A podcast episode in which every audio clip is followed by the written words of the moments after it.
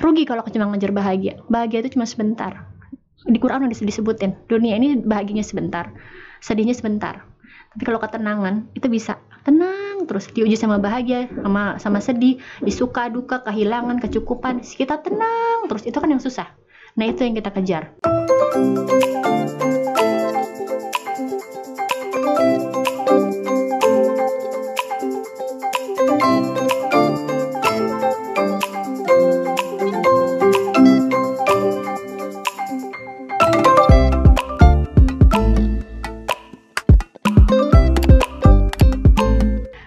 Assalamualaikum warahmatullahi wabarakatuh. Selamat pagi, selamat siang, selamat sore, selamat malam Sobat Ngasus di mana pun kalian berada. Welcome back lagi ya di Ngasus dari Asia Live Entertainment.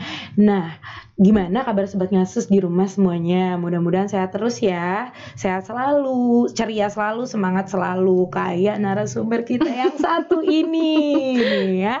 Uh, Aku kasih bocorannya aja dulu ya. Pokoknya orangnya ceria banget, smart Dan uh, banyak ngasih sudut pandang baru buat aku pribadi dan mudah-mudahan buat sobat ngasus nanti ya. Eh, siapa sih? Siapa sih? Penasaran?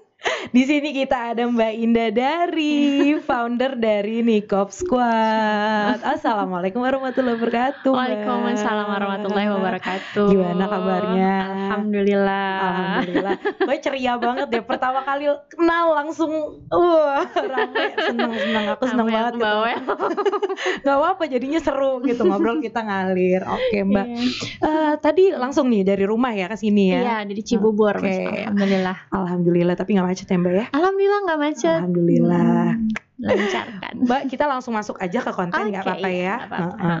Eh, Mbak eh, setahu aku kan Mbak Indah dari ini kan dulu belum bercadar ya. Mm-mm. Heeh, dari pertama kali eh, muncul di publik gitu ya belum bercadar. Mm-mm. Nah, aku mau ini aja sih flashback ke belakang gitu latar Mm-mm. belakang yang membuat Mbak Indah dari memilih berhijab dan menggunakan nikop tuh apa sih? Iya, eh, awalnya emang aku belum eh, dulu belum berca- bercadar ya, berhijab dulu. Mm-mm. Berhijab dulu tuh prosesnya juga panjang. Oke. Dulu eh, jadi eh, alhamdulillah orang tua aku tuh termasuk orang tua yang religius gitu yang nyuruh-nyuruh anaknya pakai hijab. Oh, memang berangkat dari situ ya? Balik gitu. Mm-mm. Coba dulu aku masih bandel, susah banget gitu. Pernah ada di proses Iya, itu ya? pernah susah banget. Kirain aku doang. susah banget gitu sampai Iya. masih disuruh pakai jilbab mal- beli hijab malah beli rok mini Oh, gitu iya, masih iya, iya. Oh pernah juga pernah ya? juga ngalamin hal, hal seperti itu sampai Oke. akhirnya suatu ketika ketika aku bilang sama orang tua aku bun aku mau pakai hijab ya orang tua aku sujud syukur Serius? aku tuh di Jogja masih SMA terus maafkan orang tua aku aku mau pakai hijab ya Oke. langsung ya Allah langsung sujud syukur katanya di rumah akhirnya aku mau pakai hijab juga Berarti bener-bener beda banget ya, bener-bener Iya. Real tuh. Dulu pakai rok mini yang pendek-pendek ya Mm-mm. gitu. Itu di umur berapa sih? Mbak? aku dulu eh berapa ya enam tujuh belasan lah 17 berarti Eh, eh. mau mau lulus SMA Iya mau, mau lulus ya? SMA gitu mau lulus SMA terus dan langsung drastis gitu saya abis pakai hijab nggak lama aku minta naik haji Minta sama orang tua tuh langsung. naik haji gitu ngapain orang dulu kan mikirnya kalau naik haji tuh orang udah tua-tua gitu Iya, iya, enggak tuh betul. aku gara-gara eh, jadi gara-gara aku punya sahabat sahabat aku itu dia seneng kajian terus Mhm. aku ikut dan di, di, di kajian itu tuh aku yang tiba-tiba dapat hidayah gitu Oke. langsung takut kan aku muda juga bisa mati aku belum pakai hijab gitu jadi Betul, langsung betul. aku mau pakai hijab terus aku mau naik haji saat itu juga langsung diketuk gitu ya, tek, tek, Heeh. gitu. Ih, ya ampun Terus- mantap banget terus. dan aku bilang terus sama orang tua aku aku pokoknya takut mati gitu kan aku mau sebelum sebelum mati pokoknya aku mau naik mau pakai hijab gitu Mm. terus akhirnya eh, dan pengen naik haji akhirnya diturut di, di- alhamdulillah ada rezekinya dan dan eh, haji itu kan undangan Allah ya Tuh. izinin nah terus terus berjalan pakai hijabnya juga dari yang dari yang pendek banyak banyak banyak banyak proses banget itu Tapi gitu. pernah nih yang kayak aku gini. oh pernah banget pernah banget Berarti aku proses ya. Mudah-mudahan bisa kayak Mbak Indah Mending nanti ya. begitu aku dari yang selendang.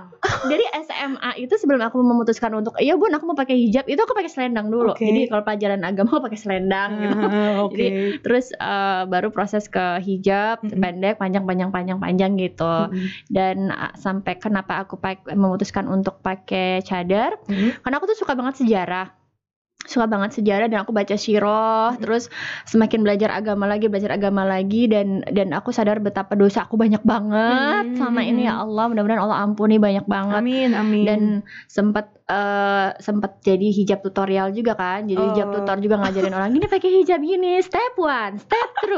Pernah juga. Heeh. Aku sampai keliling Oke. Indonesia, sampai ke luar negeri juga untuk ngajarin sampai bikin buku ba- banyak Iya, banget iya, gitu. iya. Yang ternyata setelah aku belajar lagi tentang Islam, belajar lagi tentang tentang agak bagaimana seorang seorang muslimah, akhirnya aku sadar, oh iya pakai hijab nggak boleh semau aku ya, harus semau Allah. Dan aku tahu tuh sampai punya salon jilbab namanya, salon jilbab Mbak Indah dari. Aku tutup semuanya. Serius? Serius. Uh, uh, uh, dan dulu aku merasa bangga Oh melakukan pernah itu. ya? Pernah. bikin salon hijab itu ya? Salon itu, jilbab. mm. Oh salon jilbab itu eh, yang itu maksudnya buat eh, kreasi hijab apa gitu gitu Jadi ya? orang ke situ cuma buat mempercantik hijabnya. Dan dan aku belajar makeup. Jadi orang kalau mau mau make upan terus pakai hijab cantik, mau belajar pakai hijab di tutorial di macem-macemin, belajarnya ke aku gitu kan. Oke. Jadi, makanya sampai sempat jadi eh, brand ambassador salah satu majalah untuk hijab syari tutorial gitu. Oke. Yang padahal ternyata kalau sekarang pikir ya itu kan gak syari ya. Iya, iya, nyeselnya gitu jadi kayak ya Allah dosa aku merasa dosa jariah aku banyak banget gitu dan dan itu sampai sekarang masih terus aku taubatin mudah-mudahan Allah ampuni terus sampai satu, satu, titik eh, eh, eh, apa sadar bahwa aku butuh pahala dan melakukan sunnah sunnah itu kan kalau dilakukan berpahala kalau ditinggalkan rugi. Dan aku membaca perempuan itu ada salah satu kesempatan pahala yang dia bisa kejar setiap harinya gitu itu adalah dengan memakai cadar. Dan tadi karena aku bilang aku senang banget sejarah dan aku baca tentang semua istri-istri Rasulullah SAW semuanya bercadar. Mm-mm.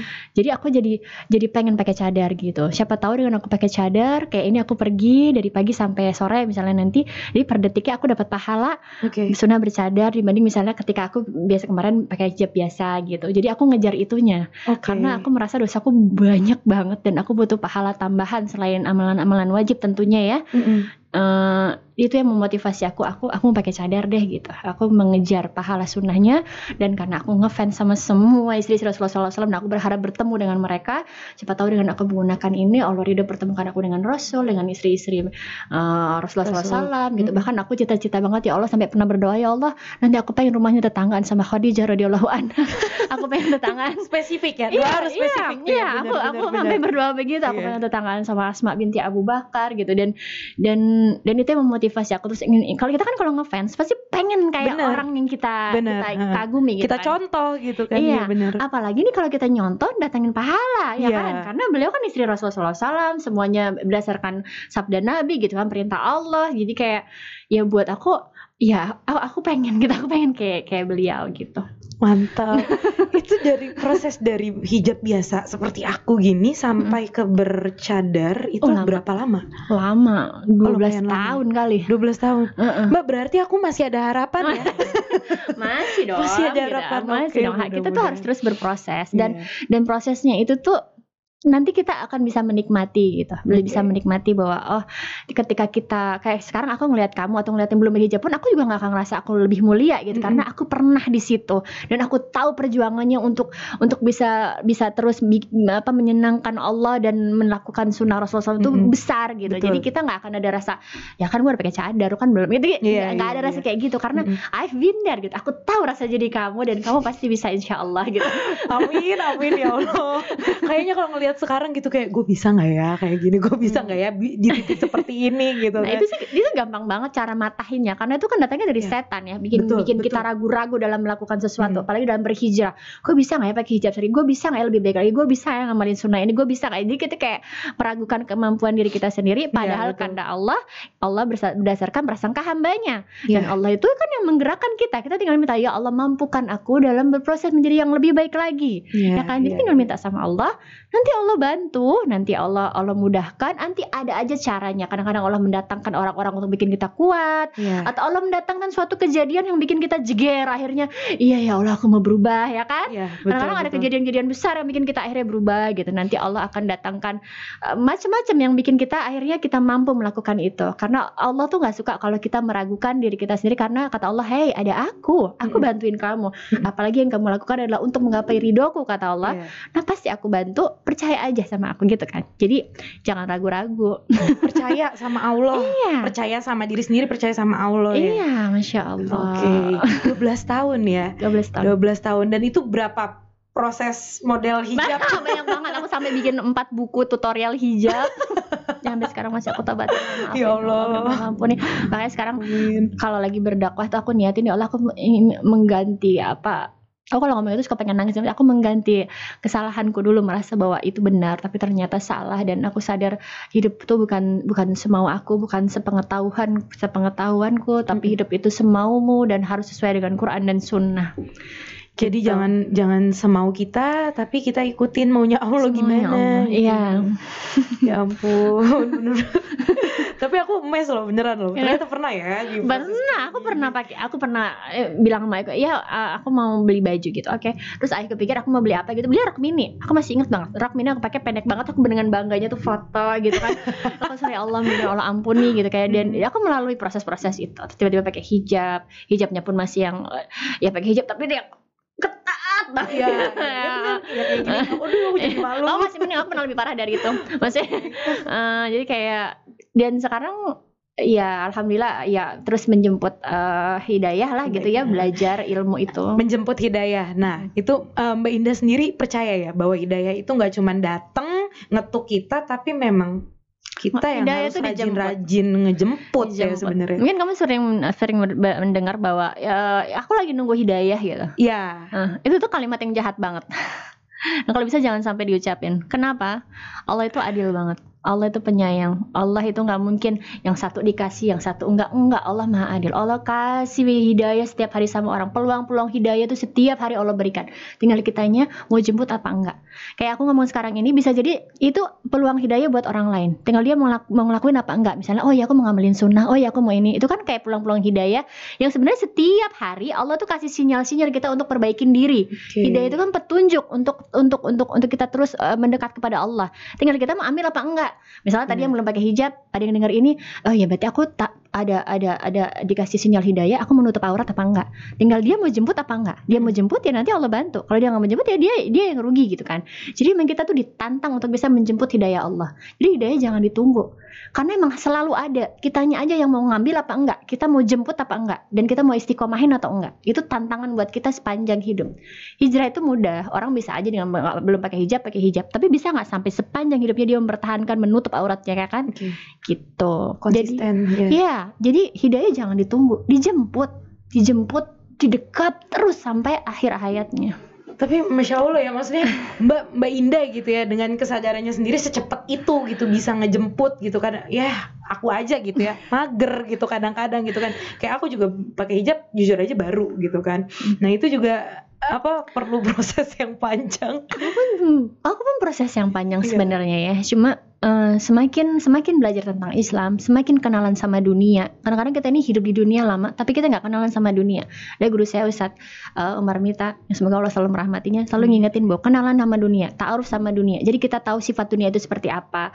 Bahwa sifat itu sifat dunia itu pasti akan melalaikan kita, akan di- menguji kita di- eh, seolah-olah dunia ini adalah tempat kita mencari kebahagiaan yang harus kita kejar bahwa Iya. dunia ini kadang-kadang kita dunia ini membuat kita tertipu daya sehingga kita lupa ada kematian sehingga ada hid- kehidupan setelah kita mati. Itu kan yang bikin kita ah ntar dulu ah.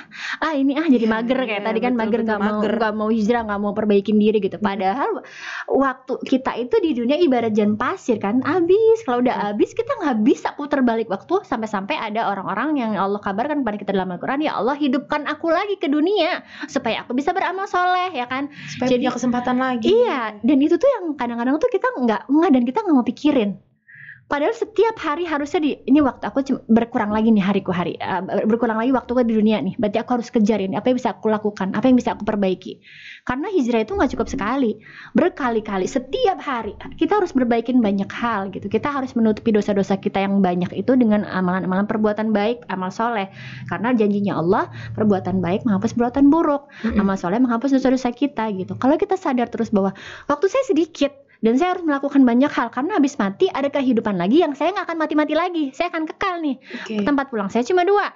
Eh, Kalau nggak surga neraka ya saya harus ngejar surga aja saya. Saya nggak mau mampir ke neraka. Ada orang-orang yang ya antar kan orang Islam kan masuk surga juga endingnya gitu Iya. kan. Hmm. Ih jangan Iya. jangan remehin siksa neraka gitu karena kita aja keselamat api aja sakit banget gitu Mm-mm. dan apalagi dan kalau kita juga nggak kenal gimana itu neraka kita nggak kenal gimana itu surga kita akan terlena sama dunia gitu jadi s- salah satu proses aku kenapa kenapa bisa kayak apa ya kalau aku bahasa aku teh putus cinta sama dunia Mm-mm. itu yang tahu benar bagaimana ba- ba- bagaimana dunia sebagai penipu ulung Oke. terhadap manusia dan tahu benar tempat pulang tempat pulang kita itu gak ada pilihan lain harus masuk surga karena dan perjalanan sesudah kematian itu masih panjang. Nanti belum di alam kubur.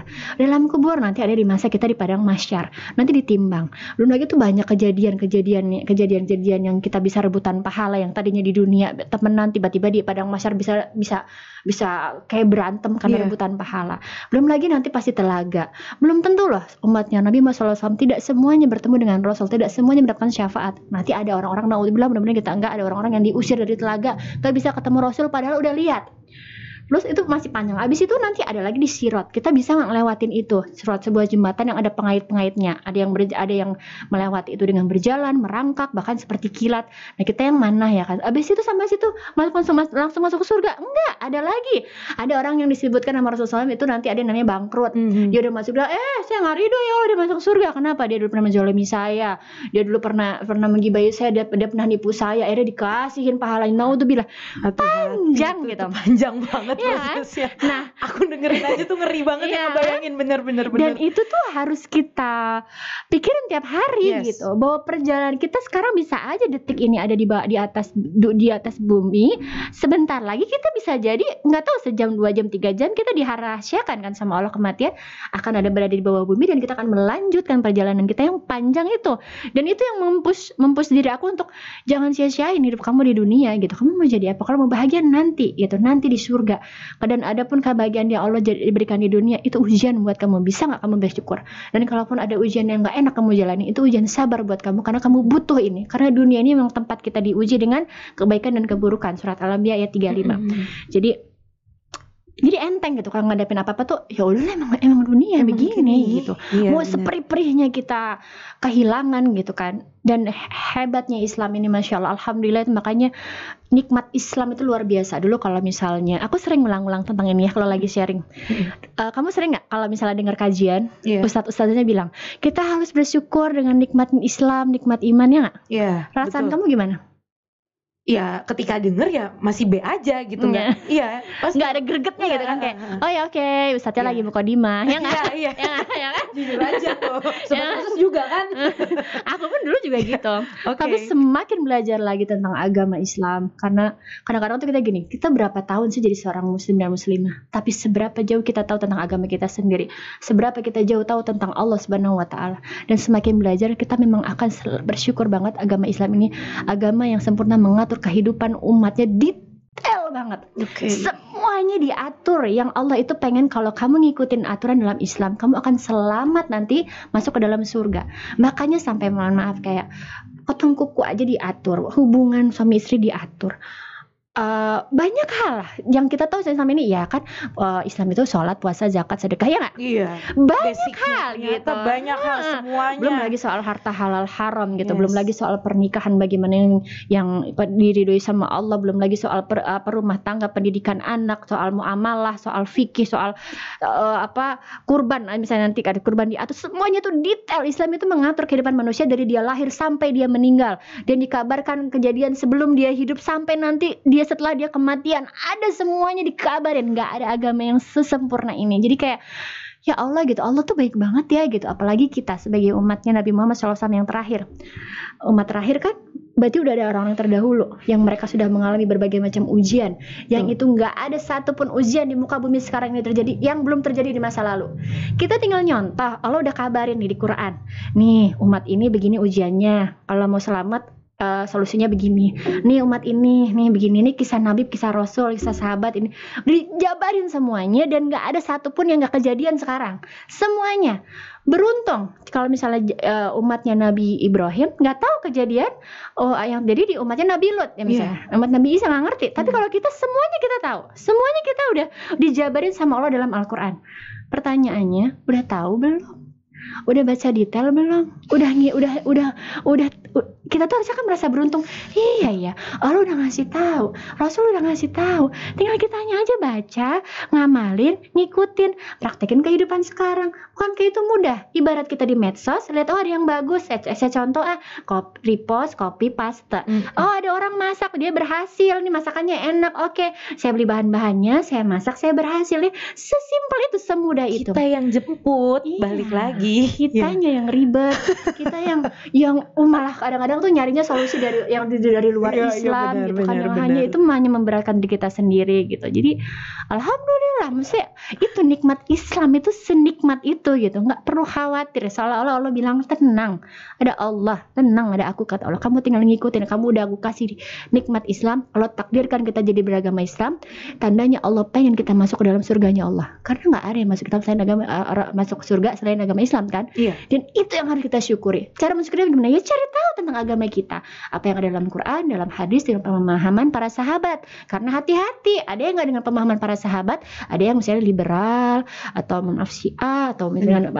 ada pengalaman atau apa hal-hal lain yang sebenarnya itu nggak sesuai dengan pemahaman uh, Rasulullah SAW oleh para sahabat. Karena kenapa para sahabat? Karena beliau yang melihat langsung bagaimana Rasulullah SAW hidup gitu. Benar, benar, Jadi benar. harus hati-hati belajar juga. Gitu. Wow, ini padat sekali loh. Tapi benar benar benar kita yang harus jemput pertama kali gitu. Iya. Ja- Udah dikasih nih, udah tinggal mengamalkan aja gitu kan. Mm-mm. Kenapa manusia masih suka? Itu tadi ada campur tangan setan di Nah. sini yang dia sudah berjanji kan iblis berjanji kepada Allah ya Allah dan dan Allah kasih kesempatan kan di Quran ada disebutkan Eh, kata iblis ya Allah ya udah aku terima nih engkau memasukkan aku ke dalam neraka tapi tolong tangguhkan karena aku akan menggoda anak Adam supaya ikut bareng-bareng sama aku dan celakanya lagi kita tuh makanya setan tuh ya Allah ya nanti Banyak budayanya. dia- ya. eh, nanti di padang masyar iblis akan berpidato. Dan dia akan bilang eh kalian jangan nyalahin aku. Kali aku kan cuma bisik-bisikin. Aku kan cuma cuma cuma cuma goda-goda aja. Yang memutuskan kalian ngikutin aku siapa nggak ada kalian sendiri. kita sendiri Iya, kan gitu. jadi kadang-kadang tuh gara-gara Kita setan nih gara-gara setan. Iya. kita yang salah ya kan? Kata setan kita yang milih aja. bener. lu nyalahin aku orang kamu yang milih kan aku cuma goda-godain biar Bener. kamu jadi teman aku ya kan? Gitu. Itu sama kayak kita kalau lagi berhijrah terus ada orang-orang yang menggoda kita untuk kembali me- melakukan hal-hal yang sebenarnya enggak aku kan udah hijrah aku udah nggak mau ngelakuin itu lagi. Terus kita ngikut kan sama aja. Kata teman kita bisa bilang gitu kan gue cuma ngajakin doang. Lu kan yang mau kan Iya. gitu ya kan Bener bener. gitu dan set dan iblis tuh nanti berpidato di hadapan para manusia aku ini cuma godain kamu doang bisikin kamu doang kamu yang milih dan sekarang ya kalian jadi temen aku masuk ke dalam neraka naudzubillah abadi loh maksudnya iya ih, naudzubillah itu kan nggak ada mati lagi gitu di sana tuh tipu dayanya. Hmm. Tinggal kita yang memutuskan tuh mau ngikut ke mana gitu. Iya bener sih mbak. Ya Allah. Ih serem kalau inget kayak gitu. iya dan kekhawatiran orang ketika berhijrah itu kan nanti dunianya gimana? Misalnya nanti rezeki aku gimana? Ya ya kan? Bener. nanti aku pasangan aku gimana? Mm-mm. anak aku gimana? Pokoknya mengkhawatirkan masa depannya yang sebenarnya kalau soal dunia Allah sudah Dunia, jamin ya. ya 50 ribu tahun sebelum bumi dan langit diciptakan itu rezeki manusia sudah dijamin. Yang nggak dijamin apa? Pahala. Jadi kalau misalnya kita ngejar akhirat Allah akan datangkan hal-hal yang memudahkan dunia kita. Itu udah janjinya Allah. Tapi kenapa kita masih ragu? Kenapa coba?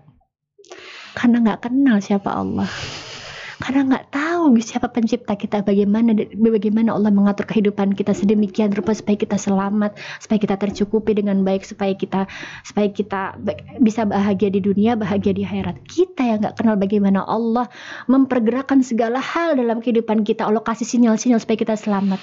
Kita yang nggak kenal siapa yang menciptakan kita yang penggenggam jiwa raga dan seluruh alam jagat raya ini kita nggak kenal.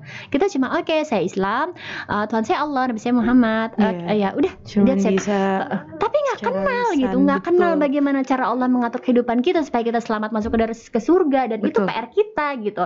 Kalau semakin kita mengenal Allah ya semakin kita akan ya udah ya Allah terserah engkau. Selama ini endingnya surga aku akan ikhlas jalani ini. Yang penting kau selalu bersamaku kasih aku pertolongan. Jadi pada intinya memang kita tuh yang belum mengenal Allah dengan baik sehingga tumbuh rasa kekhawatiran, ketidakyakinan akan masa depan maupun susah menerima suatu hal yang sudah terjadi yang ditetapkan Mhm. sama Allah gitu. Mhm. Padahal kalau kita sudah mengenal Allah dengan baik, maka semuanya menjalani apa pun kita akan tenang. Benar. Contohnya aja kayak misalnya kita punya saudara pejabat, nggak usah gitu Mhm. deh, polisi misalnya. Iya, Terus kita tiba-tiba di, di, di tengah jalan ditilang, kita akan ah tenang aja saudara gue polisi ya kan Iya, gitu. betul. Nah, ini kita punya Allah yang sang pemilik jagat raya, yang pemilik kehidupan, surga neraka, dunia semua diatur sama Allah. Allah yang yang mengendalikan semuanya, yang yang berkuasa atas segala sesuatu kok kita masih ragu gitu kan? Karena kan kita nggak kenal. Kayak Iya, tadi iya. kayak polisi tadi itu oh iya orang saudara kita kita kenal kita tahu dia pasti akan nolongin kita gitu.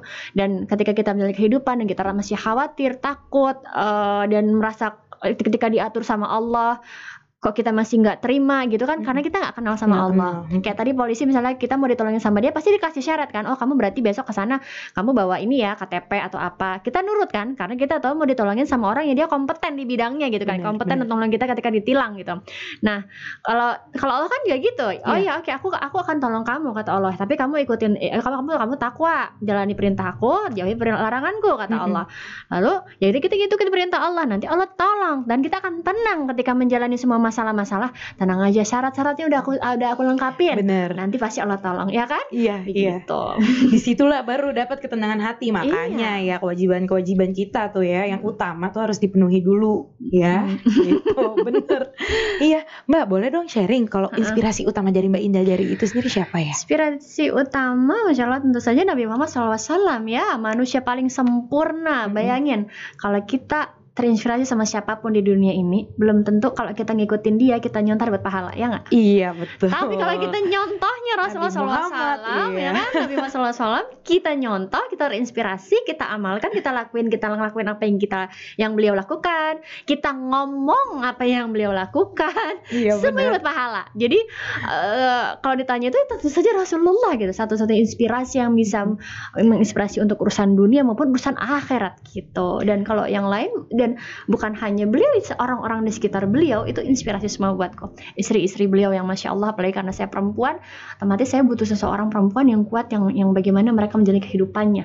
Dan itu adalah hikmah dari Rasulullah SAW eh, berpoligami ya. Mhm. istrinya banyak yang dari sekian banyak uh, istri-istri Rasulullah SAW itu pasti ada yang masalahnya kayak kita sifatnya kayak kita kehidupannya kayak kita. Dan kita tuh tinggal uh, ngelihat mereka dipraktekkan kehidupan kita. Dan itu masya Allah gitu keberuntungan luar biasa dengan kita terinspirasi dari kehidupan Nabi Muhammad SAW kita tahu bagaimana kisah hidupnya lalu kita kita kita kita amalkan dalam kehidupan kita itu kan udah mencakup seluruh kehidupan rumah tangga ekonomi ma- apa uh, uh, muamalah semuanya lengkap gitu apa sih kehidupan Rasulullah SAW yang nggak ada yang nggak bisa kita jadi inspirasi Bener. semuanya lengkap Semuanya detail. iya Dari bangun tidur sampai tidur lagi ya, Iya, Mbak. ya? iya, bahkan dari dari dari masih dalam alam rahim sampai nanti kita lepas ruh dari jasad lalu mengalami Komplit. perjalanan sampai ke alam akhirat gitu.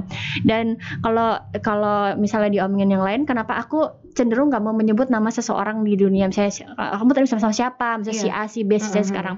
Karena menurutku semua orang pasti punya keleba- kelemahan dan kelebihan gitu. Dan aku nggak mau, aku menjaga diriku untuk nggak terlalu ngefans sama orang, untuk nggak terlalu biasanya kalau udah terinspirasi ngefans banget lama-lama Iya, jadi betul. jadi gimana gitu kan ada rasa apa ya rasa menganggap dia adalah seorang yang sempurna Iya. sehingga ketika dia Jadi kayak mendewakan gitu nggak ya, sih, Mbak? Ya kan? gimana ya jadi ketika misalnya ada suatu kejadian yang qadarullah Hmm.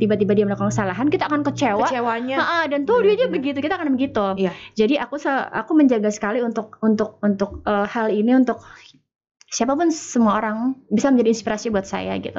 Tapi tetap yang harus sumber inspirasi utama ya Rasulullah SAW gitu. Sebagai sosok idola sebagai sosok yang sumber inspirasi gitu.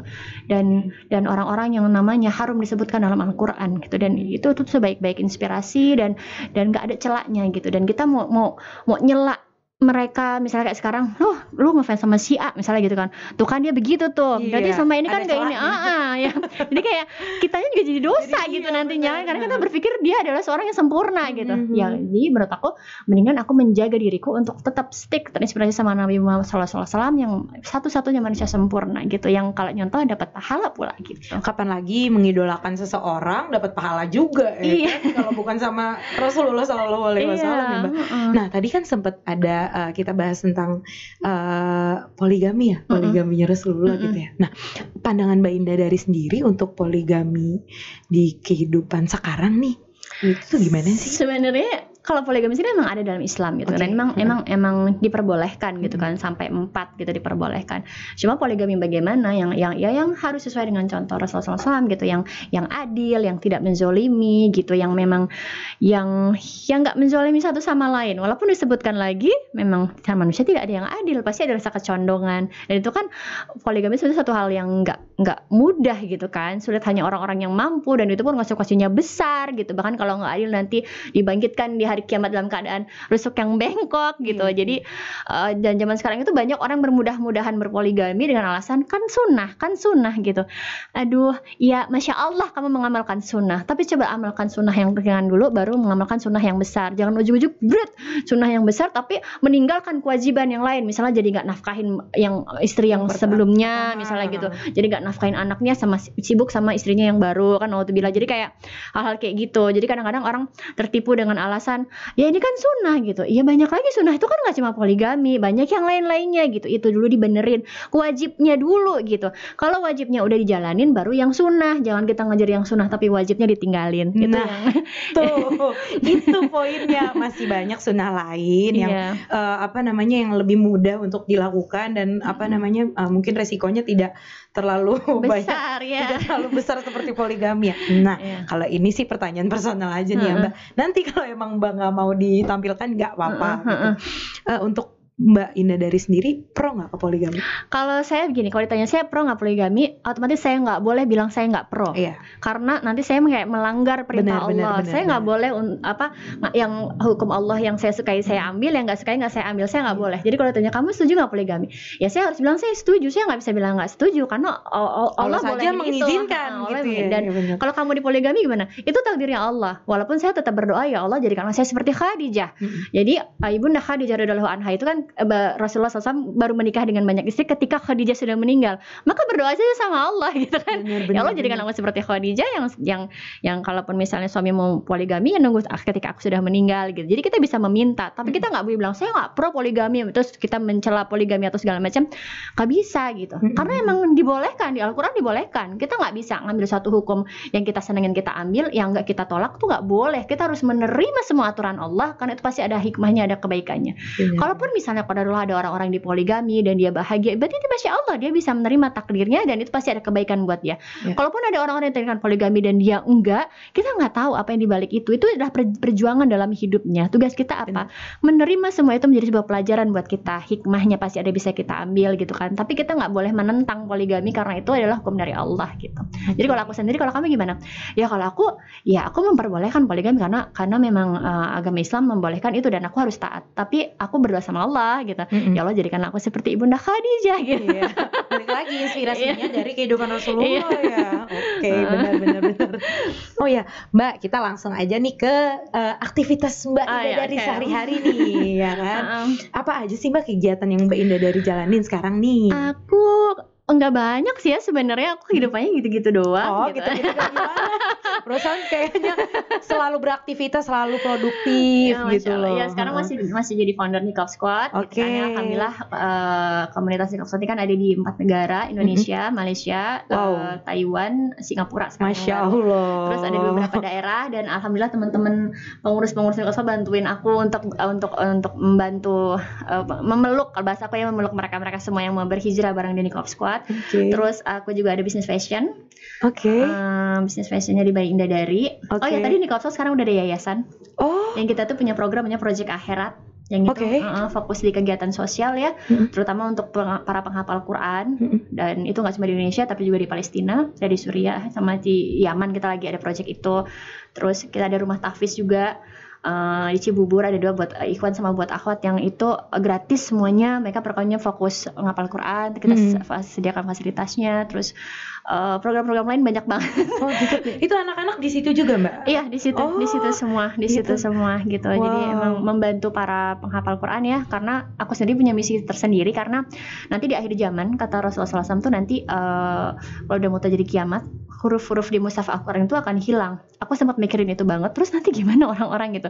Jadi kayak menurut aku kalau misalnya kita membantu para penghafal Quran untuk menancapkan firman-firman Allah dalam kepalanya, lalu mereka mengajarkannya lagi untuk banyak penghafal Quran, mereka membantu berarti kan dakwah Al-Quran Bener, itu bener, tetap bener. menempel di uh, dalam uh, di, di, di Di dalam hati, hati, di di, pikiran, iya, bisa bener-bener. diamalkan ya Iya, kan gitu. iya. Jadi makanya berjuang uh, lebih fokus ke kayak membantu para penghafal Quran sampai ada program rutin dari yang Senin Kamis, Mhm. terus dari yang bayarin listrik dan air, dari Iya. bantu sarana prasarana gitu. Jadi uh, fokus. Oh di jadi keseharian juga ya Mbak ya, ya kayak gitu tadi listrik air. Iya, Iya iya benar, kan ada banyak banget kita ada alhamdulillah sih ada Segala aspek seribu ya. lebih gitu ya Mhm. uh, apa namanya para penghafal Quran yang tersebar di beberapa kota di Indonesia Mm-mm. Dan mudah-mudahan masih Allah kasih amanah untuk terus bertambah dan Amin, mudah-mudahan amin, amin. doakan kami selalu terus amanah Amin. dan dimudahkan Amin. itu terus uh, uh, ya tadi ada Visi Fashion juga Mbak Indah dari alhamdulillah udah ini tahun ke berapa ya masih Baik, baru oh, sih itu eh, mulainya kapan Mbak Indah dari? Uh, Mbak Indah dari itu sekitar tiga ta tiga atau empat tahun yang lalu ya 3 sampai 4 tahun yang lalu. Mm-mm. Oh, ini yang lagi dipakai ya, Mbak? iya uh, kan aku suka polkadot Nah, jadi itu yang aku mau tanya nih dari tadi. semuanya produknya Cash handphone, sepatu, baju itu semua polkadot. Tas juga ya? Tas dari Mbak Indah dari? iya Oh, jadi semuanya memang polkadot karena Oke. ciri khas aku kan yang begitu aku senang Polkadot banget ya. polkadot oke. dan jadi aku pikir kalau kita punya brand kalau kita sama-sama sama yang lain kita akan susah tapi kalau Hmm. kita punya ciri khas aku juga belajar ini dari teman-teman desainer yang lain kalau kita punya ciri khas dan orang udah seneng mereka akan tahu oh cari yang hitam polkadot cadar ke Indah dari aja iya, gitu iya, benar benar benar jadinya lebih fokus ya. Ah, ah, Tapi ah. Mbak, model-model nikah tuh ada macam-macam gak sih atau? Iya macam-macam ada banyak Oh. gitu. Cuma aku fokus ke yang nggak mau yang terlalu berlebihan Heeh. karena tetap pada sejatinya fungsi cadar adalah menolak pandangan. Maksudnya menolak Mm. pandangan itu bikin nggak orang pengen ngelihat Mm, gitu kan. Tapi juga jangan yang kumal dan Mm, apa gitu kan. Jadi tetap yang nyaman, Oke. tetap yang nggak menarik perhatian. Ada juga kan cadar yang visualnya udah bling blingnya apa Iya, iya. macam. Dan jadi orang pengen "Oh, gitu banget. Iya, malah jadi nengok gitu ya, malah jadi ngelihat. Iya, karena pada sejatinya Oke. fungsi hijab dan fungsi cadar itu kan adalah untuk menolak pandangan, untuk Oke. menjaga pandangan dan menolak pandangan gitu sih. Makanya kebanyakan yang sudah simpel-simpel aja kalau model polkadotnya ya Iya. dikit gitu. Tapi kayaknya uh, model yang Mbak pakai sekarang sama Mbak Mbak siapa sih? Ami. Mbak Ani ya, Mbak. Ami. Itu agak beda juga itu ya, beda. Kalau itu di Oh. instan. Jadi hijabnya udah sama cadar gitu. Oh, gitu. Jadi udah lang- udah nempel gitu, udah Mbak. nempel. Oh, langsung pakai aja. Tapi kalau yang Mbak Indah dari pakai ini Lepasan. lepasan. Heeh, dan aku semuanya pakai perekat di belakang kebanyakan. Jadi biar orang Perekat tuh modelnya kayak gimana? Velcro gitu. Ah, atau ah, gitu? jadi Oh, yang di, dipakai perekat. Jadi nggak Oh. diikat. Oke, Karena kalau oke, diikat kadang oke. suka kendor gitu aku. Jadi Heeh. ada aku pengen pertama aku pakai cadar itu aku pengen yang praktis, breathable gitu kan yang Mm. nyaman nyaman buat nafas. Karena Mm. orang selalu berpikir pakai cadar nafasnya gimana susah gitu. Asli, itu yang aku mau tanyain juga Iya. gimana sih Mbak rasanya pakai niqab? Eh, aduh sayangnya aku gak bawa nikah lebih biasanya aku bawa nikah iya, pengen deh gitu. banget gitu karena eh, makanya tuh aku ketika eh, bikin Mbak Indah dari itu salah satunya untuk bikin, ngasih tahu ke orang bahwa coba deh kamu coba cobain nikop ini insya Allah kamu tetap bisa nafas dengan nyaman kamu tetap bisa pakai cadar dan gak ada halangan apa apa Iya. insya Allah gitu. Makan minum gimana Mbak? Iya gampang banget tinggal dimasukin ke dalam gitu dan malah kalau misalnya kita makan apa belepotan itu orang nggak Orang nggak akan lihat ya, nggak repot pakai lipstick ya Mbak? Iya, atau tuh pakai lipstick sih ya. Tetap buat kepuasan sendiri aja. Iya, bener. Atau pakai nggak pakai sebenarnya bisa tapi kan orang nggak usah dandan dong kalau pakai cadar gitu. Heeh. Ya boleh aja aku Nah, tapi tetap. Mbak, Mbak tetap dandan. Aku dan aku dulu MUA ya kan. Oh iya, iya Ya benar benar. ya kan. Jadi aku tuh seneng dandan gitu. Bahkan kalau di rumah tuh aku yang yang bahkan bisa lebih wangi banget gitu ya. yang, yang kayak hal kayak gitu. Tetap tetap sih kalau lagi pengen dandan ya aku dandan gitu. Ih seru ternyata kan orang pikir kan orang udah bercadar udah hidupnya nah. straight aja kaku gitu kan ya udah Iya. gak usah dandan gitu ternyata masih ya tetap Iya ya dong. Nah itu aku Oh. selalu kasih tahu teman-teman di kapsul juga gitu. Karena di luar sana tuh eh, image-nya tuh pakai cadar itu bau, mukanya bluwek, makanya ditutupin ya kan. iya bener ya kan? Terus nggak pokoknya- aware gitu kayaknya sama diri Ah, sendiri terus gitu pokoknya eh, nggak bagus lah gitu. Heeh. Makanya tetap harus merawat kecantikan wajah gitu. Kulit jadi jaga gitu. Mm-mm. Tetap perawatan. Mbak tetap skincarean? Tetap tetap tuh harus. Baru tetap minggu kemarin aku laser. tetap ya ngerawat diri mah harus Heeh, gitu ya. Karena jangan sampai orang berpikir bahwa ya itu pakai pakai nikop tuh kumuh apa segala macem. Mm-mm. karena kalau misalnya orang lihat kita pakai nikop bagus rapi menyenangkan orang jadi gak- yang di- tadinya ragu ragu pakai nikop jadi pengen pakai nikop Mm-mm. gitu kan kan salah satu dakwah Islam. Dilihat yang bukan Islam pun orang jadi ih seru ya gitu. Bener, setiap aku bener. keluar negeri pakai begini tuh orang orang luar tuh kayak Oh iya iya. yang kayak gitu ini lucu banget gitu sampai pada minta foto karena menurut mereka lucu ya ada polka Lucu dotnya iya, gitu nggak kaku gitu bener bener bener. Terus kalau Mbak eh, Indah masih pakai parfum nggak?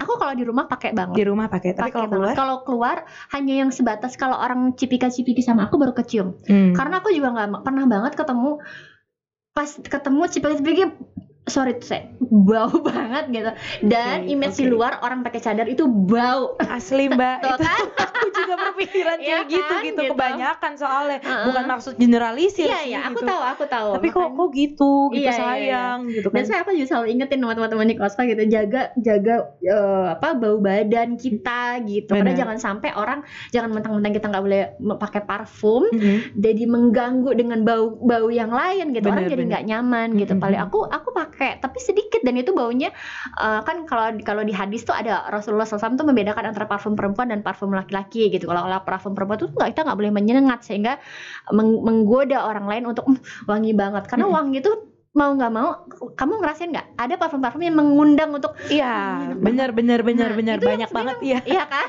itu yang bahaya banget dan itu harus kita hindari kalau mau pakai di rumah gitu. Tapi kita juga jangan jangan laju bau banget itu tadi. Jadi Mm-mm. kalau kamu tanya aku pakai, aku pakai tapi sedikit Pakai untuk menjaga uh, bau badan Mm-mm. aja Kayak ya. kalau orang gitu. aku lewat tuh orang nggak akan nyium bau aku. Tapi ketika Mm-mm. mereka cipika-cipiki baru eh eh, Oh. saya cadarnya wangi Mm-mm, gitu. gitu. nggak bau gitu nggak buluk gitu karena ya karena kita baga- bagaimanapun juga itu harus kita kan duta Islam ya ketika kita menggunakan hijab menggunakan niqab menggunakan baju koko menggunakan jenggot celana cingkrang itu kan eh apa penggambaran muslim gitu Iya. dan ketika Mbak ya kan Indah benar-benar ini ya aware ya sama stigma masyarakat tentang Iya. Islam gitu ya benar-benar celana cingkrang iya kan jenggotan celana cingkrang pakai kopiah Iya, benar, kan? benar. kalau perem- kalau perempuan ja- jilbaban cadaran ya Iya, kan iya, gitu. iya. sudah itu aja kan di Islam terus pas ketemu ih blubuk bau gitu kan "Duh, Islam tuh begini baik kan begitu Iya. kan padahal kita sebagai seorang muslim kan diajarkan untuk ya bersih rapi gitu Mm-mm. kan sehingga orang juga ngelihat kita eh, ya nggak merendahkan iya gitu. jadi nggak memperburuk citra Islam ya Kadang orang suka pada nggak sadar bahwa ketika mereka keluar dengan atribut Islamnya membawa nama agamanya sendiri dan Iya. itu yang harus diperjuangkan untuk yang ya orang orang muslim ya kita kita harus harus menjaga diri kita sebagai seorang muslim yang baik gitu baik pakaian kita, lisan kita, hati kita gitu perbuatan kita tuh harus benar-benar mempresentasikan untuk bahwa kita dari agama yang sempurna Iya. gitu. Lalu untuk eh, Nikop Squad sendiri tuh berarti eh, ada berapa? Eh, nik, eh, sorry, untuk Bay Indadari, Mm-mm. sorry ya Mbak, Bay Indadari itu per- eh, brandnya apa aja? Eh, Bay ininya Indadari- produknya. Baik dari Produknya. ada ada hijab, ada ca- ada cadar, ada baju, Mm-mm. ada masker sekarang. Oh masker juga Ah, ngeluarin. ada masker terus Ah. ada sajadah sekarang karena kan semua orang sekarang aku pikir emang harus bawa sajadah sendiri karena Ah. lagi corona begini Iya, kan iya, bahaya kalau sendiri keluarin sajadah terus ada banyak tat- ada juga charity buying dari ini produk-produk yang memang aku eh, dikhususkan untuk eh, donasi Palestina Suriah Oh. jadi itu kayak parfum mobil, uh, Al-Quran, MP3 Quran, uh, tumbler gitu-gitu, mug, pokoknya semua semua uh, barang-barang yang memang memang emang aku buat untuk ini nanti larinya ke donasi Suriah dan Oh, gitu. Palestina gitu. Dan sekarang ada tambahan Yaman gitu. Dan itu isinya kuat-kuat aku. Oh gitu. Tapi selalu eh, apa? Banyak peminatnya. Alhamdulillah, alhamdulillah, Oke. alhamdulillah. Jadi kayak misalnya tumbler gitu ya ada ada kuat aku Al-Qur'an MP3 ada kuat aku juga tas ada baru nanti ada kuat aku juga Oke. gitu jadi eh, karena kan aku penulis dan banyak orang seneng sama tulisannya dia aku pikir ya udah aku jadiin pahala sekalian sekaligus eh, jadi eh, baliknya ke sedekah lagi gitu Benar. jadi tulisannya bisa sampai ke Allah iya iya iya. gitu. Iya bener-bener ya apa yang dijalanin dari hati lagi tuh ya bener-bener deh pasti hasilnya tuh ya mudah-mudahan ya eh, apa bermanfaat buat sekitar ya mbak ya Iya, jadi mudah-mudahan Allah ridho yang penting mudah-mudahan ya. Allah ridho, bener. Saya kunci untuk bisa tenang, untuk bisa kunci sukses itu aku belajar dari dari banyak hal ya selain dari Rasulullah SAW dan dari para sahabat Rasulullah SAW yang sukses lakukan sesuatu karena Allah. Kalau kita melakukan sesuatu nggak karena Allah pasti gagal pasti hancur pasti kecewa. Tapi kalau melakukannya karena Allah akan ada hal-hal yang nggak kita duga yang memudahkan segala sesuatunya. Mungkin ada ujian mungkin ada halangan pasti itu tapi itu kita jalinnya tenang karena lurus karena Allah niatnya nggak nyari apa-apa ya Allah dunia udah engkau jamin aku cari pahala di sini. Bahkan kalau orang sadar bekerja itu bekerja adalah sarana dia mencari pahala dia akan melakukan pekerjaan dengan baik dia akan dia akan apa ya dia sadar bahwa setiap detiknya dia melakukan pekerjaan itu adalah sarana dia menjemput pahala Allah. Dengan kejujurannya dengan amanahnya dengan dedikasi dia ketika melakukan pekerjaan itu dia sadar ini bukan bukan bekerjaan dia itu bukan mencari uang tapi saya cari pahala di sini ya Allah. Saya mengisi hidup saya dengan kebaikan dengan pekerjaan yang halal dan berkah Masya Allah, nanti rezekinya Allah lancarin dengan caranya gitu. Itu dan itu indah banget gitu dan dan betapa sebenarnya bekerja itu adalah cara kita untuk menunggu waktu dari sholat ke sholat dengan hal yang bermanfaat, ya kan? Benar. Itu indah banget jalannya. Jadi ketika bekerja itu nggak penuh tekanan tekanan harus mencukupi ini itu ini itu. Berapa banyak sih? Kamu pernah nggak? Kalau dihitung pakai matematika, uang kita nggak cukup. Ya. Tapi tiba-tiba cukup aja. Ada aja. Iya. Karena Allah udah menjamin itu. Yang nggak dijamin apa tadi pahala. Pahala. Makanya kalau orang sadar ketika dia bekerja adalah sarana dia mencari pahala, dia nggak akan menyanyiakan uh, apa rezeki yang sudah Allah kasih dengan memberikan dia pekerjaan. Dia akan melakukan yang terbaik, dia akan jujur, dia akan amanah, dia akan menjaga sholatnya, bahkan dia akan bersedekah dari hasil pekerjaannya. Dan itu akan menjadi keberkahan buat dia dan keluarganya, masya Allah. Aku sampai speechless. Ini benar-benar ngobrol sama Mbak Indah tuh benar-benar padat banget gitu loh. Masya Allah. Keren, keren, keren. Oke, eh, tadi tuh aku mau nanya apa ya? Oh ini. Untuk balik lagi ke Nikop Squad ya. Mm-mm. Itu Mbak Indah dari alasan utamanya mendirikan Nikop Squad tuh apa? Aku menangkap nah, menangkap peluang pahala di sini ketika aku waktu itu belum belum ramai bercadar dan aku merasa sendirian gitu. Kayak aduh aku kayak enak banget ya kalau punya banyak orang teman-teman bercadar gitu. Dan aku merasakan sendirian berhijrah itu nggak enak ketika banyak lingkungan atau apa yang memandang kita sebelah mata dipanggil Batman lah apa segala macam misalnya Serius Mbak pernah? pernah dan itu yang dibilangin eh, apa namanya ya dia dengan kalimat-kalimat yang nggak enak ketika kita jalan itu kan rasanya nggak enak banget dan kita nggak bisa me- membalas itu kan jadi kayak eh, aku ngumpulin beberapa teman untuk yuk kita bikin ini. Harapannya sih aku menangkap peluang pahala bahwa siapa tahu bisa menjadi jalan jalan kuat orang untuk istiqomah bareng-bareng mengamalkan sunnah bercadar sekaligus untuk mereka yang berhijrah supaya punya lingkungan yang kuat. Karena kalau hijrah sendirian itu berat hijrah rame-rame itu lebih mudah. Dan dan aku berusaha untuk yuk yuk teman-teman kita bareng-bareng yuk bikin ini karena banyak orang di luar sana yang mungkin kayak aku yang rasain kayak kalian rasain kenapa kita nggak jadi jalan buat mereka untuk kita sama-sama bareng istiqomah itu aja sih awalnya Iya iya oke. Mm-mm. Jadi emang eh, awalnya sih karena kesendirian ya, Iya. kesepian gitu ya, nyari Mm-mm, temen gitu. Tapi akhirnya jadi jalan memperpanjang silaturahim ya, jadi nambah-nambah silaturahim ya. Alhamdulillah gitu dan itu tuh berkah Islam yang kadang-kadang kita lupa gitu kata Umar bin Khattab radhiyallahu anhu pernah bilang salah satu nikmat Islam sering kita lupa adalah nikmat ukhuwah Islamiyah betapa Allah sudah mempersaudarakan kita menjadi satu persaudaraan Muslim yang bisa tarik menarik ke surga. Orang kayak misalnya kita saling mencintai karena Allah, saling sayang karena Allah, kita bisa ketemu lagi di sana di surga. Karena rasa sayang kita karena Allah. Aku temenan sama kamu misalnya bukan karena kamu cantik atau bukan karena kamu kaya, bukan kamu karena kamu apa pun, tapi karena Allah. Karena Karena, kamu saudari Islam saya dan dan saya mencintai sayang sama kamu karena Allah. Insya Allah kita ketemu lagi di surga. Karena Anas bin Malik radhiyallahu anhu pernah bilang ya Allah, eh, ya Rasul, eh, aku amalanku mungkin tidak banyak, tapi aku mencintai Engkau, aku mencintai Abu Bakar, aku mencintai eh, Umar bin Khattab, aku mencintai Umas bin Affan dan sahabat lainnya yang mudah-mudahan kecintaanku ini akan membawa ke surga. Bukankah Rasulullah SAW bersabda, seseorang akan dibersamakan dengan yang dia cintai gitu. Jadi masya Allah, ini nggak nggak bisa kita sepelein gitu. Mhm. Betapa Allah itu memang memang menjadikan nikmat ukhuwah Islamiyah seorang Islam itu memang bersaudara itu tuh harus kita syukurin. Ketika yang satu sakit kita ngerasain ya orang-orang jauhnya di Palestina, aku mereka yang diperangi kita yang sedih ya kan? Iya. Itu kan kalau bukan nikmat Islam nggak mungkin ada rasa seperti itu. Ketika ada orang Islam yang terjolimi kita jadi yang marah gitu. Itu kan rasa rasa ukhuwah yang orang itu jarang gitu dan jarang memanfaatkan saudara muslimnya untuk membantu surganya dia benar, benar. adanya rasa suuzon rasa rasa apa ya hasad gitu Yang negatif-negatif lah ya. iya Mbak. heeh. Jadi memang berangkat dari untuk eh, memper, mempererat uhuwah Islamiyah ya. Iya benar dan dan ya kalau dipikir-pikir ya benar ya kata Umar bin Khattab itu itu nikmat yang kadang-kadang tuh kita lupa. Kenapa sih kita nggak bikin teman kita yang muslim jadi jadi penguat buat kita dan dia penguat buat kita buat buat sama-sama saling membutuhkan untuk bisa ke surga. Karena dua orang yang bersahabat karena Allah, seorang sahabat itu menjadi bisa menjadi syafaatnya di dalam surga. Ketika yang satunya masuk ke dalam surga dan tidak menemukan temannya tadi, sahabatnya tadi, dia bisa bilang sama Allah, ya Allah si fulana nggak ada. Mhm. Padahal dia dulu mengingatkan saya tentang engkau. Dia saya sholat sama dia, saya uh, puasa sama dia, saya hijrah sama dia, kok dia nggak ada? Kata Allah dia lagi ada di lagi ada di dia disiksa di neraka. Kamu sekarang jemput aja kata Allah. Kalau apa selamatkan teman kamu kalau masih ada keimanan dalam hatinya. Lalu dijemput, diselamatkan teman sama temannya yang tadi. Lalu ya Allah udah semua teman-teman aku udah aku udah aku udah aku jemput, aku tarik dari neraka. Dilihat di, di hadis itu disebutkan ada yang udah sedengkul gitu kan di, di, di disiksa di, di, disiksa ceritanya begitu terus uh, kata Allah ayo cari lagi orang-orang yang masih ada keimanan sebesar biji zarah lalu bawa uh, berangkat ke dalam surga masya Allah dari satu orang yang dia memang membawa uh, apa efek positif untuk Iya. orang-orang sekitarnya untuk mengingatkan kepada Allah dia bisa membawa banyak orang untuk masuk ke dalam surga. Dan itu syafaat yang luar biasa. Jadi jangan sia-siakan ukhuwah Islamiyah Allah sudah mempersaudarakan kita menjadi seorang beragama Islam. Memang harus merasa bahwa kamu saudaraku Mhm. aku saudaramu dan kita harus berhasil ya. Kita masuk surga bareng-bareng.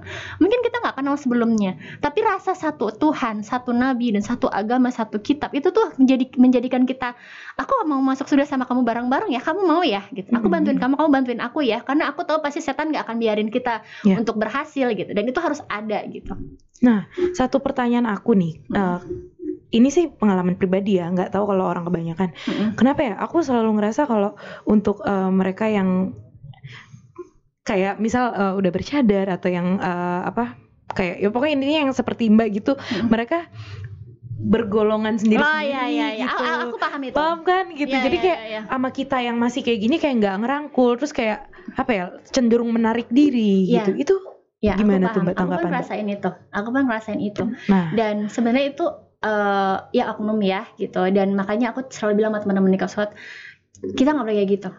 Bagaimanapun mereka adalah saudara muslim kita dan merasa lebih lebih baik dari orang yang lain itu hanya akan menggugurkan amalan kita dan itu adalah bentuk kesombongan yang terbesit dalam hati kita. Jadi memang eh, harusnya nggak seperti itu Nah. gitu. Dan itu tantangan sendiri buat aku sendiri dan ngomong sama teman-teman teman-teman yang lain untuk kita walaupun sama orang yang belum berhijab sekalipun harus tetap mener kalau ketika dia muslim ya harus menerimanya dengan baik ketika dia datang ke kajian ketika apa kita nggak boleh ngeliat dengan pandangan yang sinis walaupun masih pakai pakaian yang seperti ini gitu Mbak, kadang-kadang tuh suka Iya. dilihat Ah, aneh gitu. nggak usah gitu deh. Iya. aku pakai cadar misalnya datang ke kajian yang aku tuh orang baru di situ. Itu ada aja orang-orang yang ini siapa nih? Gitu. Tuh Hmm. ada. Dan kita tuh nggak boleh tugas kita bukan kok dia begitu sih? Bukan. Tugas kita aku nggak boleh kayak gitu. Aku lurus datang ke sini karena Allah. Misalnya mereka nggak menerima aku atau mereka jahat sama aku itu urusan mereka sama Allah. Yang penting aku di sini datang ke sini untuk ke kajian. Dan eh, apa namanya dan kita bisa berkoreksi ya mungkin aku harus memperbaiki diri lebih baik lagi supaya diterima gitu kalaupun mereka begitu nggak usah terlalu dipikirin itu urusan dia mereka sama Allah dan jadikan pelajaran buat kita Berarti itu emang oknum sih ya, maksudnya eh, Oknum, iya. memang merekanya seperti itu individunya Iya. gitu ya. dan Tapi kalau Nikop Squad insya Allah enggak ya? Insya Allah dan mudah-mudahan nggak cuma nikah, mudah-mudahan teman-teman Mudah-mudahan yang teman-teman. lain pun Mhm. begitu ya sebagai seorang muslimah, sebagai seorang muslim ya misalnya merasa sudah hijrah duluan, Iya. kita nggak boleh memandang rendah orang lain yang baru hijrah ataupun misalnya yang belum mereka belum berjenggot atau belum berhijab gitu. Ya kita nggak tahu ke depannya betul. istiqomah apa nggak kita nggak ter- nggak tahu ya Iya. kan gitu. Tapi Mbak Indah sendiri emang eh, menekankan itu ya ke teman-teman iya ya. dong harus gitu. Bahkan di Nikoso ada juga yang belum ber- belum belum berhijab waktu sampai akhirnya dia berhijab di, di, di, dibimbing pelan-pelan gitu ditemani karena kan sebenarnya yang memper- Pernah ada yang mau masuk tapi belum berhijab. belum hijab ada Bener Mbak. beneran beneran belum berhijab terus sampai akhirnya dibimbing pelan-pelan akhirnya dia berhijab Akhirnya dia berhijab. Gitu. Tapi eh, sekarang dia sudah bercadar. belum, Belum. Heeh. Tapi tapi nah itu yang aku mau karena di nikop squad itu nggak semuanya bercadar Nah, nah ketua nikop karena kan namanya nikop nih Iya, ya iya. kan. Makanya aku mikirnya apakah semuanya harus bercadar gitu. Enggak, enggak. Enggak ya? Bahkan ketua Nikop Squad Jakarta dia nggak bercadar. Jadi sebenarnya Nikop itu eh, aku aku ambil Nikop Squad karena kayaknya waktu itu hijab-hijab udah banyak dan aku tuh pengen orang lebih mengenal sunnah lagi. Karena kalau kita cuma ngejar yang wajib-wajib, sholat kita suka lupa rakaat ya nggak? Iya. Bener Ya banget. kan? puasa Ramadan kadang-kadang kan puasa Ramadan sih tapi tiba-tiba kejebak gibah Iya. apa, ya kan gitu. Sedekah kembang eh, sedekahnya kembang kempis gitu kan Iya, kadang betul. ngasih. Nah kita harus ngejarin amalan-amalan sunnah. Dan nikop ini kan amalan sunnah ya jemur ulama seperti itu. Jadi kayak lebih ke mengenalkan itu. Jadi yang mau mau mau yang yang gak bernikop pun sebenarnya ayo welcome kita bareng-bareng. Karena pada intinya tadi nikop sunnah ini ingin merangkul teman-teman untuk bisa lebih dekat sama Allah gitu. Nah, itu kegiatan Nikop Squad sendiri tuh eh, ada harian, mingguan atau bulanan mungkin banyak kegiatannya apa aja? eh, kegiatannya banyak banget ya kan kita divisi divisi divisi sosial divisi dakwah Oke. gitu ada eh, macam-macam divisi muamalah gitu Hmm. dan dan di setiap eh, kotanya itu mereka ya berkewajiban kalau pengurusnya untuk, untuk membimbing para member-membernya untuk tetap ngasih ngasih minimal tuh kajian online di di di WhatsAppnya Hmm. terus kalau ada offline mereka bikin kajian ngundang ustadz atau ustazah siapa untuk mereka taklim bersama karena menurutku ketika berhijrah ilmu itu penting kadang ada yang kita lupa. Agama agama Islam itu agama dalil. Semuanya diatur di Quran semuanya diatur di hadis. Benar. Berapa jam kamu dalam seminggu sekarang meluangkan waktumu untuk belajar Al-Quran dan hadis atau sebulan ada nggak dua jam meluangkan waktu gitu sejam aja kalau Iya. nggak gitu Kayaknya ngelihat di kehidupan sekarang itu jarang banget yang kayak kan. gitu ya, Mbak. Padahal agama Islam kita Muslim itu modalnya ya Quran sama hadis ilmu. Dari ilmu kita bisa beramal, dari beramal kita nanti terus mengamalkan sampai kita sebelum ajal ya nggak? Iya, betul. Nah makanya kita harus belajar, harus butuh ilmu. Berilmu tanpa beramal tanpa ilmu ditolak. Jadinya nanti bid'ah ya kan Iya, nggak ada iya, tuntunannya kok kamu lakuin. Itu kan yang Hmm. banyak terjadi sekarang Iya, gitu kan. betul. Dan ketika belajar lagi, oh ternyata Rasul nggak ngajarin itu ya. Terus kita merasa ah nggak bener ini pasti sesat. Padahal Rasul ngajarin itu ya kan. Iya, iya. Nah, makanya pentingnya kita untuk belajar lagi sebagai seorang muslim tuh harus punya meluangkan waktu dalam taruhlah misalnya susah aku seminggu ya sebulan deh luangin waktu untuk belajar cari ilmunya sebenarnya sholat saya udah bener apa belum puasa saya udah apa belum. Hidup saya sudah benar atau belum? Cara wudhu gak simpel aja deh. Wudhu saya udah bener belum? Jangan-jangan wudhu saya salah. Padahal kalau wudhu kita salah nggak sesuai sama contoh Rasulullah SAW itu fatal. Nanti Rasul nggak ngenalin kita. Dan bisa tertolak. Dan Rasulullah SAW ketika kenapa diusir? gitu karena ketika di telaga eh, Rasulullah SAW akan menyambut umatnya kan? Ayo umatku tapi ada yang diusir sama malaikat. Jadi ini ini hadis yang bikin aku tertampar yang bikin aku nangis berhari-hari yang bikin aku nggak bisa tidur yang sampai, sampai, sampai akhirnya aku memutuskan untuk berhijrah. Jadi jadi dikisahkan pada pada di masa depan kita nanti ini masa depan loh ya ini di, di, di, di- ini udah bukan ramalan ini akan terjadi sama kita nanti. Jadi di mana nanti Rasulullah SAW akan menunggu kita di sebuah telaga telaga kausar yang nanti eh, sahabat bertanya ya Rasul bagaimana engkau mengenali umatmu? Sedangkan ada orang-orang yang engkau tidak bertemu dengannya. Hmm. siapa? Kita kalau sahabat ketemu sama Rasul ya kan? Tabiin aja nggak ketemu sama Rasul. Kita apalagi jauh 1000 1400 tahun yang lalu kita nggak ketemu sama Rasul. Tapi Rasul kenal sama kita. Gimana caranya engkau mengenali? Lalu kata Rasulullah SAW aku mengenali mereka dari bekas air wudhunya lalu nanti kita akan mengada, eh, apa mengadakan perjalanan gitu kan di padang masyar mohon maaf kita akan telanjang dengan panas yang sangat terik gitu kan. Bahkan ada yang sampai tenggelam dengan dengan uh, keringatnya saking panasnya itu naudzubillah. Ada yang keringatnya semata kaki sebetis sepaha gitu. Tapi ada juga orang-orang yang dimuliakan. Dipakaikan mahkota dikasih jubah gitu. Dan kita nggak tahu yang mana. Makanya kita sekarang berjuang kan untuk yang nanti. Lalu kita semua akan berjalan dengan telanjang. Dan kita akan mencari nabi kita. Karena kita nabi uh, umatnya Nabi Muhammad SAW kita akan mencari Nabi Muhammad. Kita akan bertemu dengan Nabi Adam Nabi Isa Nabi Ibrahim semuanya kita ketemu. Sampai akhirnya Alhamdulillah kita bertemu dengan Nabi Muhammad SAW Insya Allah kan kita sekarang eh, ada yang sholat ber- beribu-ribu kali sholat ber- sering rajin sholat supaya pengen banget ketemu Rasul pengen banget ketemu Rasul ya nggak? Nanti kita akan bertemu. Dan Rasulullah menerima lewat air wudhunya tapi ternyata tiba-tiba ada yang dihalau tiba-tiba ada penghalang antara dia dan Rasul yang tidak diizinkan masuk ke telaga itu sama malaikat gak boleh. Lalu bertanya Rasulullah ini kenapa ini gak boleh masuk? Lalu dikatakan di situ ya Muhammad engkau tidak tahu apa yang mereka lakukan. Mereka menambah-nambahi apa-apa yang sudah engkau tetapkan. Maksudnya apa yang sudah Rasulullah contohkan dalam urusan ibadah nambah-nambahin gitu. Mhm. itu nggak boleh gitu. Jadi apa kata Rasulullah? Ya sudah gak mau Rasul jadi gak ketau bayangin dan itu aku takut banget waktu dapat hadis itu. Sekali dua kali tiga kali makin ngerasa ketakutan karena ngerasa jangan-jangan aku muslimah yang kegeeran. Aku merasa ibadahku udah bener. Aku merasa hidupku udah baik. Waktu itu aku udah udah pakai hijab syari udah rajin ke kajian udah ngerasa bener lah gitu ya. Kadang-kadang kita ada proses-proses kayaknya aku udah bener nih gitu. Dan aku mulai deg-degan gitu jangan-jangan aku wudhunya salah. Tapi aku nggak diterima jangan-jangan sholat aku salah. Jangan-jangan ibadah aku selama ini salah. Karena aku nggak pernah ngecek karena karena kayak keturunan aja gitu. Katanya sholatnya begini begini begini. Tapi aku nggak pernah uh, belajar langsung oh ini hadis tentang sholat tuh begini.